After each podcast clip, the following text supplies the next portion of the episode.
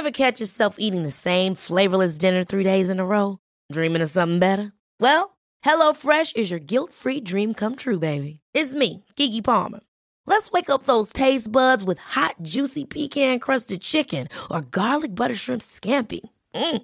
Hello Fresh. Stop dreaming of all the delicious possibilities and dig in at HelloFresh.com. Let's get this dinner party started. Hey, it's Ryan Reynolds, and I'm here with Keith, co star of my upcoming film, If, only in theaters, May 17th. Do you want to tell people the big news? All right, I'll do it. Sign up now and you'll get unlimited for $15 a month in six months of Paramount Plus Essential Plan on us. Mintmobile.com slash switch. Upfront payment of $45 equivalent to $15 per month. Unlimited over 40 gigabytes per month. Face lower speeds. Videos at 480p. Active Mint customers by 531.24 get six months of Paramount Plus Essential Plan. Auto renews after six months. Offer ends May 31st, 2024. Separate Paramount Plus registration required. Terms and conditions apply if rated PG. Many of us have those stubborn pounds that seem impossible to lose, no matter how good we eat or how hard we work out. My solution is PlushCare. PlushCare is a leading telehealth provider with doctors who are there for you day and night to partner with you in your weight loss journey. They can prescribe FDA-approved weight loss medications like Wagovi and Zepbound for those who qualify. Plus, they accept most insurance plans. To get started, visit plushcare.com slash weight loss. That's plushcare.com slash weight loss.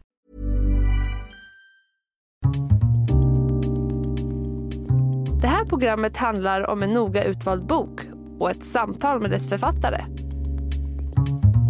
Välkommen till Lära från lärda. Fredrik Hilleborg vid micken. Den här veckan har jag en bok i min hand som jag läst som heter Spelmissbruk, beroende av spel om pengar. Med mig Stefan Sandström, välkommen. Tack så mycket. Jag brukar alltid börja med att gästen får presentera sig. Jag är psykolog och jag har hållit på med detta i lite mer än 40 år.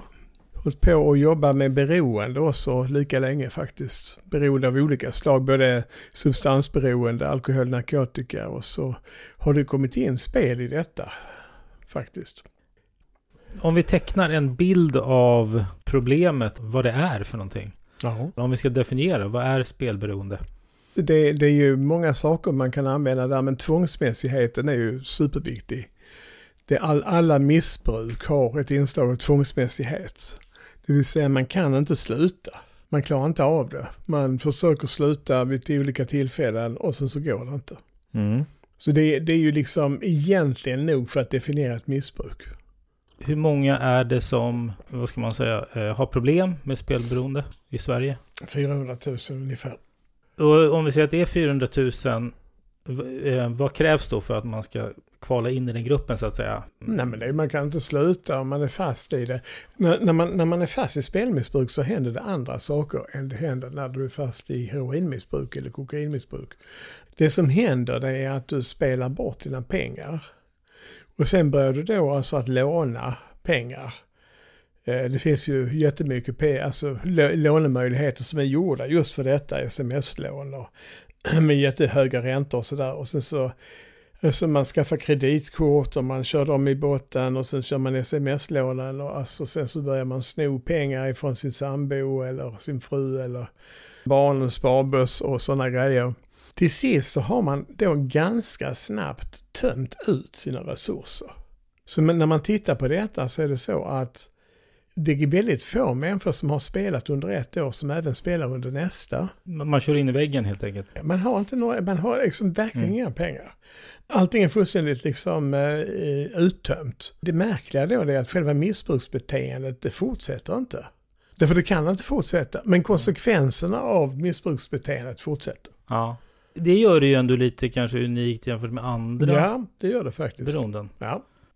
Och något som var intressant var ju också som du skriver om att antalet spelare som, som har spelberoende har minskat. Men samtidigt har det som omsättningen ökat så att det har blivit så att det är färre personer som delar på en större skuld då så att säga. Det är hälften så många nästan som, som spelar nu som spelade för några år sedan. Det är dubbelt så många som har svåra spelmissbruk, svårt spelmissbruk. Så det ökar med det svåra spelmissbruket och så minskar det med spelmissbruk generellt. Alltså de som, som spelar svårt, de har ökat. Det är ändå hemskt, för det, då är det många som är väldigt, har drabbats väldigt hårt av stora skulder. Ja, det är många. Det är Mm. många alltså. Mm. Det är det verkligen. Den här spellagstiftningen, den här regleringen av spelandet. Ja. Hur ser den ut? Nej, det betyder alltså att eh, regioner och eh, kommuner ska erbjuda samma typ av alltså behandling på samma grunder som man gör när det handlar om substansmissbruk. Helt enkelt. Och det kan vi nog konstatera att det gör de verkligen inte. Nej, det är inte lika många menar du? Nej, men de gör det inte. Alltså de, de erbjuder det inte. Vi har alltså runt 40 000 som söker hjälp och det Ja. är en, väldigt, en bråkdel av dem som får någon hjälp. Och vad beror det på? Jag tror nog att de nationella riktlinjerna som de utvecklade har en skuld i detta därför att de säger då alltså Socialstyrelsen att man ska erbjuda KBT-behandling med inriktning mot spel och eh, motiverande intervju ifall man behöver motiveras. Mm. Och tänk dig nu att du sitter och är, ja, alltså socialsekreterare till exempel på en, en missbruksenhet och så, så kommer det någon fram till dig som har ett svårt heroinmissbruk och spelmissbruk. För det är nämligen så att det är en samsjuklighet, det är enorm mellan alltså narkotika, alkohol och spel. Mm. Ska du då skicka dem till ett eh, strukturerat spelbehandlingsprogram? Är det, en är det ett bra alternativ? Troligtvis inte. Nej, för alltså heroinmissbruket är livshotande så Mm. du måste göra det först. Har du det, alltså du har 73% har, är alkoholister av spelarna. 38% är narkomaner. Och det är bara lite av samsjukligheten, det finns massa annan samsjuklighet. Va? Så det, det, det är inte det, alltså det, det är en liten, liten del av spelarna som inte har en samsjuklighet. För de passar det ju jättebra att gå ett KBT-program. Mm. Men för de andra så, så, så fungerar det ju inte alls. De har ju mycket allvarligare liksom, eh, missbruk som man måste ta i. Det innebär att man blir ju rådvill när man ställs inför detta. Vad fan ska jag göra? Mm. Man kan säga en av, en av de, eller kanske den, möjligen den viktigaste slutsatsen i boken, det är detta. Sådana människor som beha- redan behandlar eh, substansberoende bör också behandla spelberoende för det mesta. Mm. Sen har vi för de människorna som inte har samsjuklighet, vilket är en, en liten, liten grupp va.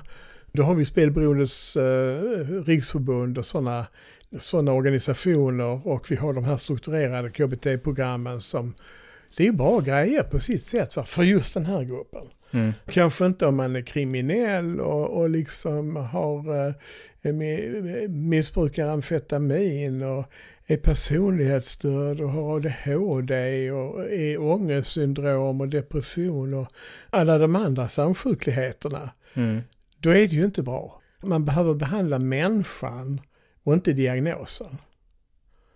Ja, men efter jag läste boken så tycker jag också att det, det är något som nästan blir lite unikt för spelmissbruk. Att det är just den här sambandet, samsjukligheten. Att man har, det är inte bara det här, det är andra saker också. Exemp, ex, som du sa, exempelvis narkotika. En hel rad olika ADHD, alkohol och så vidare som hänger ihop. substansmissbruk har ju också enormt mycket samsjuklighet. Och det är precis samma samsjuklighet som spelmissbruk. Du har alltså eh, jättemånga som har personlighetsstörningar, jättemånga med ångestsyndrom, jättemånga med depressioner, eh, det är många med ADHD, alltså väldigt många med trauma och så vidare och så vidare. Det är samma samsjukligheter. Det här visar ju då på, när du, när du då kommer till ett ställe där man är bra på att behandla alltså substansberoende, Mm. så behandlar de precis de här grejerna. Det är precis den här typen av problem de har. Och då behöver du ju inte sitta och pinpointa, ja just nu behandlar vi spelandet, och just nu så behandlar vi liksom eh, cannabismissbruket, och nu eh, behandlar vi alkoholmissbruket och så. Va? Det behöver man ju inte göra, utan det är att lösa det här. Och för att komma till hönan och ägget så är det så här att det är den psykiska problematiken som sätter fart på de flesta. Mm. På de allra flesta så är det det som, som gör. Man tänker gärna på detta när man tänker på narkotika och alkohol, att det, det är någonting som neutraliserar problemen som man har.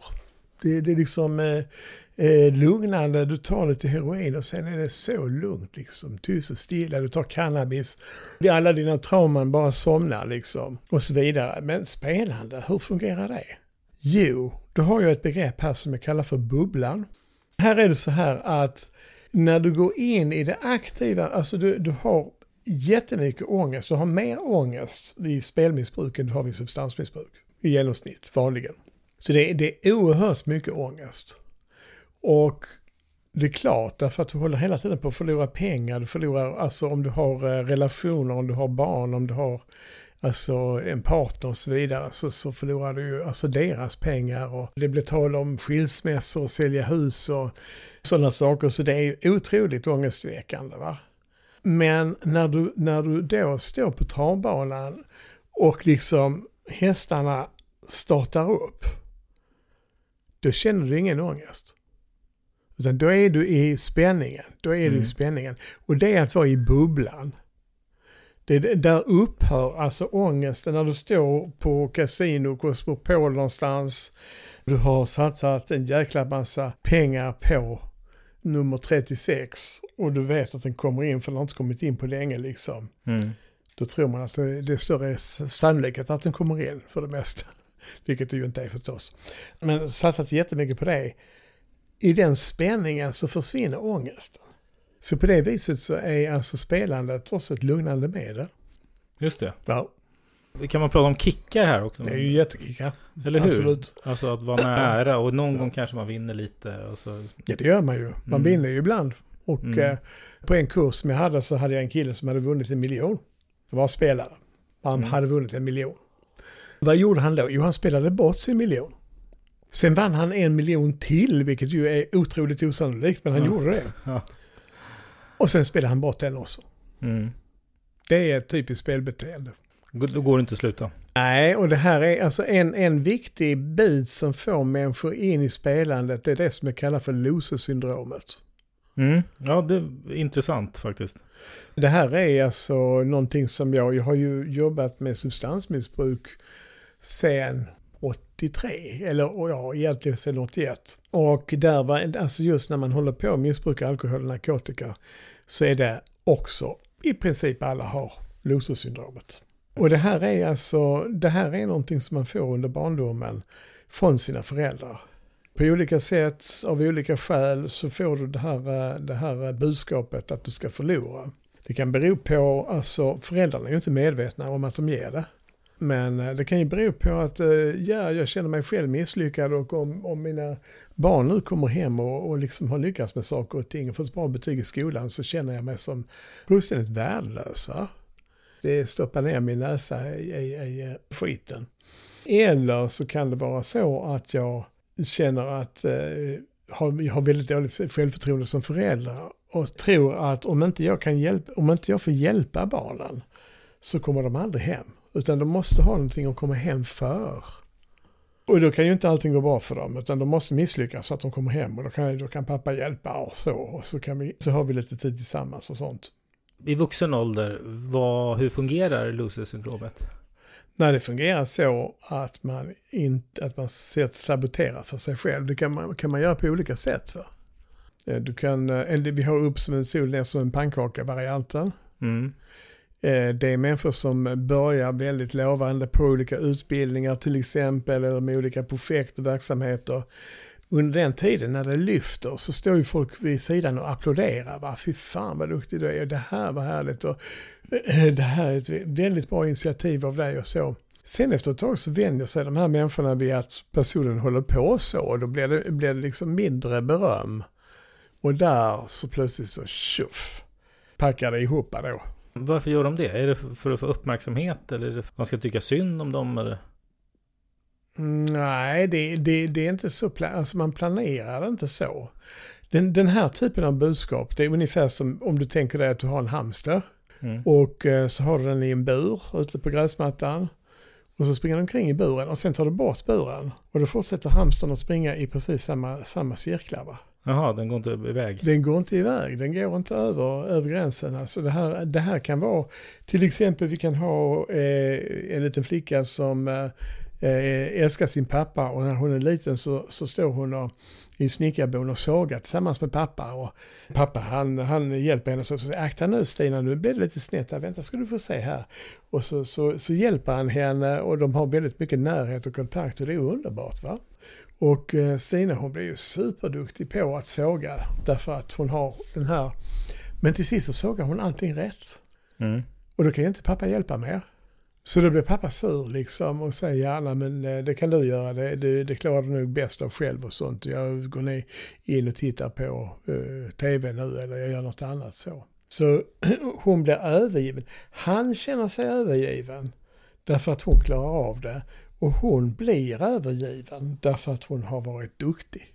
Så, så då blir man mer försiktig med att vara duktig då i fortsättningen? Ja, blir man inte det så riskerar man ju att bli övergiven va? Ja, just det.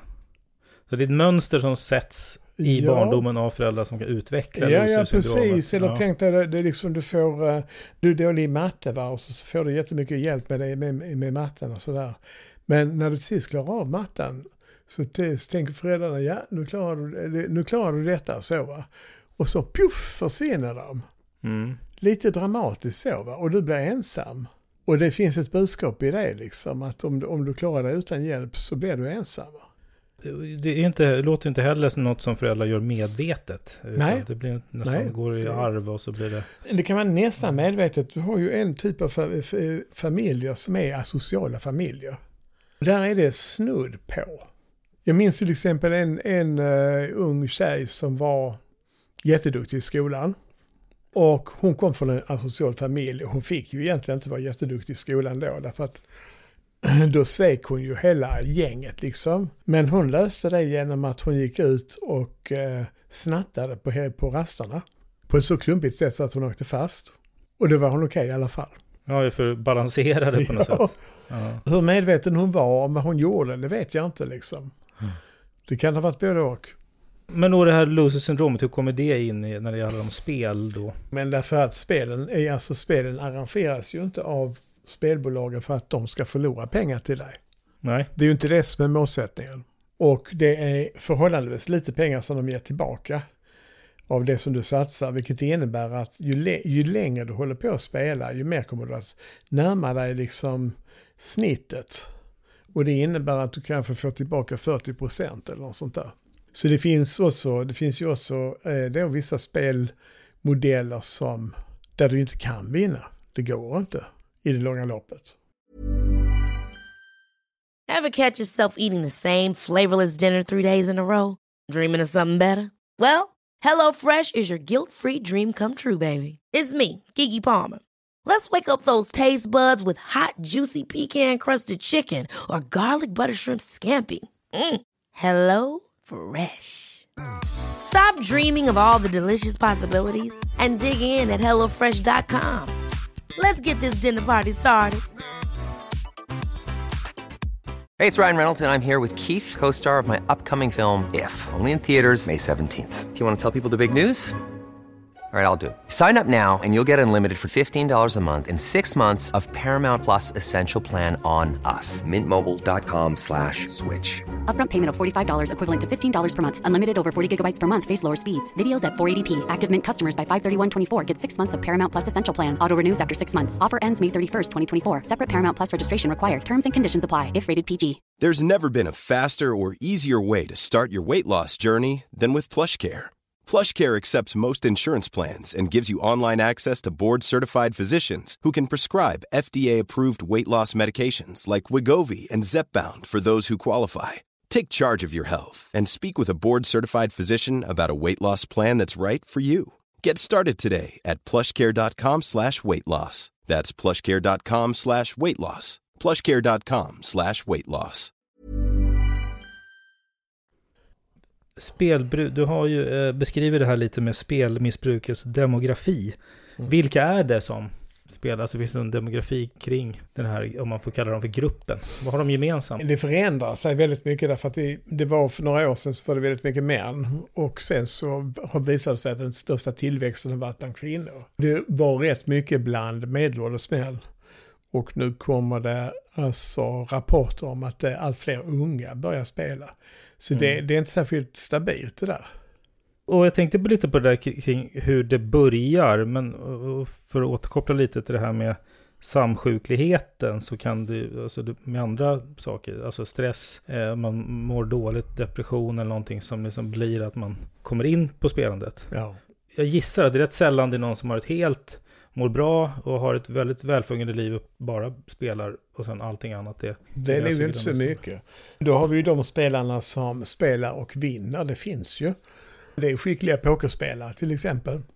Som också är spelberoende? Som bara... Nej, de är ju inte spelberoende, men de, de lever på att spela. De, Mm. de, de gör det och så tjänar de mycket pengar på det. Därför att det är så många som spelar poker som är så dåliga på det. Så det, det Det finns några få som också vinner på det. ja, de är inte så få. Alltså, men, men, och då, de, de vinner på det, det går. Och trav kan, kan du vinna på också, hålla på och vinna och vinna. Om du har, är du tillräckligt bra på hästar och har bra kontakter, liksom i stallen och sådana saker, så kan du vinna på det. Mm. Och sen är det det här med också liksom, att leva med spelmissbrukare. Alltså det är andra som drabbas, eh, medberoende eller på olika sätt. Vad, vad finns det någonting där som du tycker är intressant att nämna kring det? Mönster? Ja, och det, det leder ju väldigt, alltså väldigt, väldigt ofta så leder det till att man stjäl från sin partner. Eller man tar pengar som är familjens pengar Mm. och sådana saker. Så det, det är ju för barnen som växer upp i de här situationerna så är det ju ofta mycket som försvinner. Mm. Som hade kunnat vara där så bara försvinner. Och även för en partner. Det är inte så sällan som det blir skilsmässor. Nej, det är vanligt ja, att det, det Ja, slutar med Det det. det. Jag hade ju gärna skilt mig i ett sånt läge kan jag säga. Eh, exakt. Hur resonerar en som är spelberoende själv? Just det här med kickarna, ja men det, jag kommer snart vinna tillbaks pengarna eller hur? Just det, jag kommer snart att vinna tillbaks. Ja, Nu, nu har jag förlorat så mycket så nu kommer jag snart att vinna. är det vanligt? Det är vanligt ja. Det, det är liksom, det finns ett gäng sådana tankefällor. Varav den här, alltså nu, nu har det blivit rött 27 gånger i rad. Nu måste det bli svart. Mm, statistiskt. Ja, och det, det funkar inte så. Det gör ju inte det, utan det är fortfarande lika mycket chans. Mm. Och så tror man att det är, nu är det helt säkerställt att det kommer bli svart och så satsar man en jäkla massa pengar på det så blir det inte svart va. Alltså förr eller senare så, så förlorar man mycket pengar på de här grejerna. På att man tänker fel, fel helt, helt enkelt. Mm.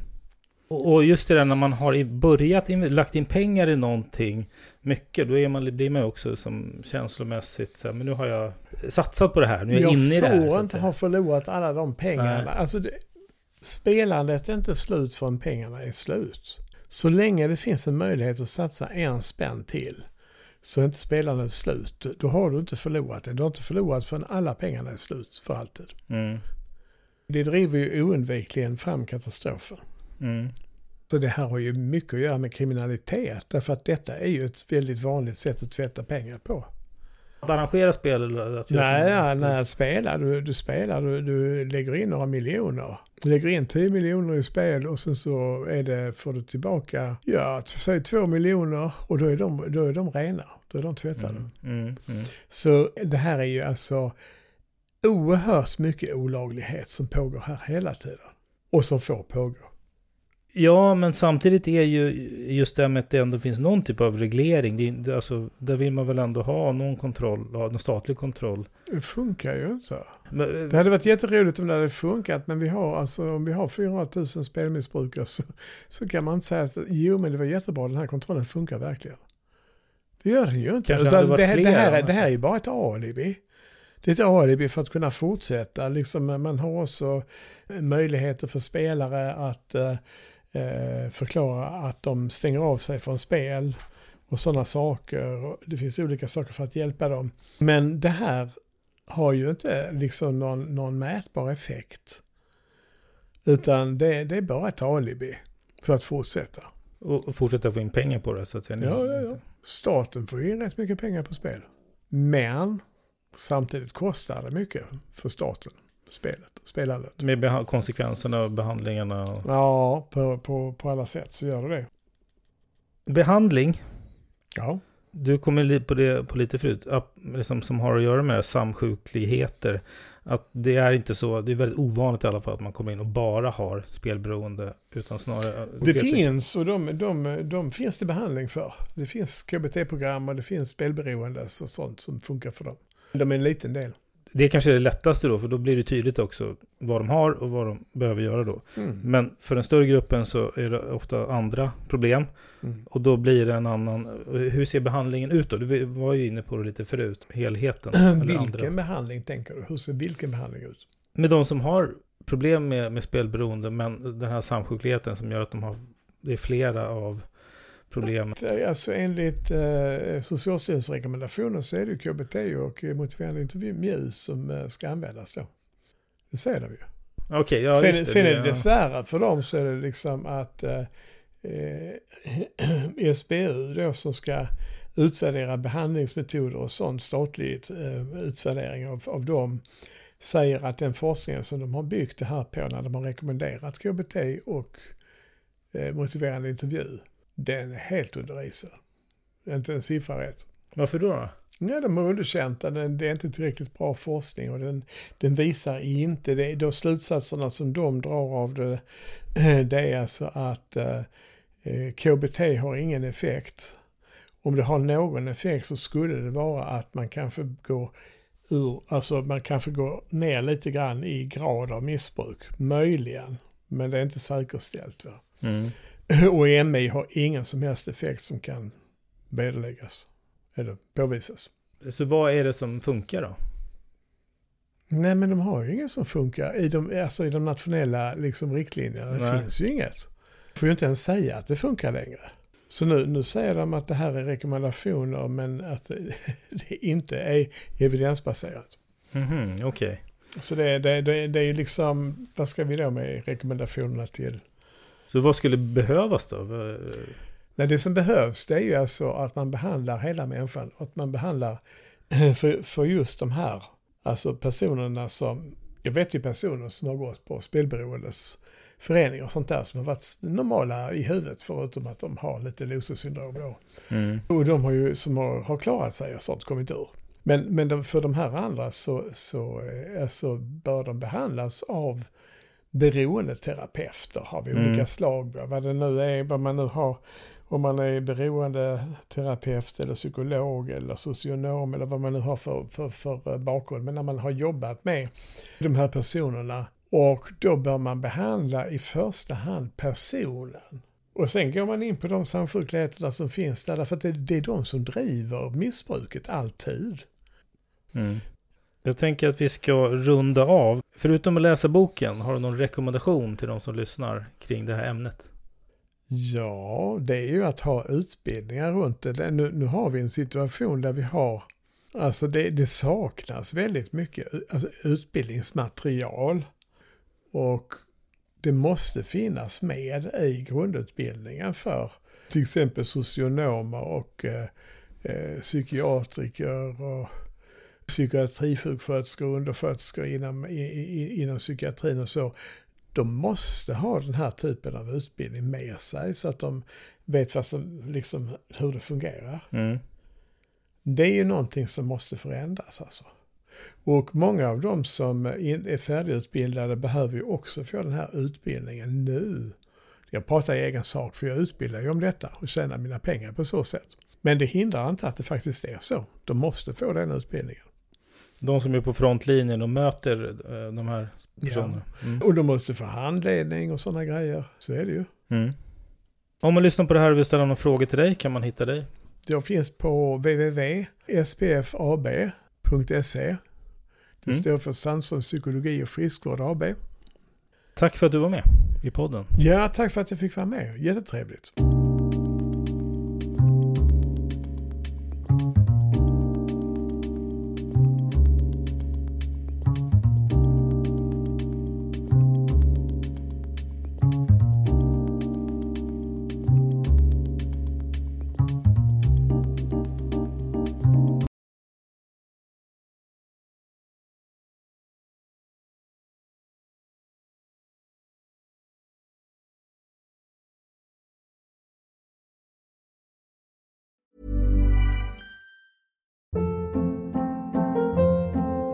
Hold up. What was that? Boring. No flavor. That was as bad as those leftovers you ate all week. Kiki Palmer here, and it's time to say hello to something fresh and guilt-free. Hello Fresh. Jazz up dinner with pecan-crusted chicken or garlic butter shrimp scampi. Now that's music to my mouth. Hello Fresh. Let's get this dinner party started. Discover all the delicious possibilities at hellofresh.com.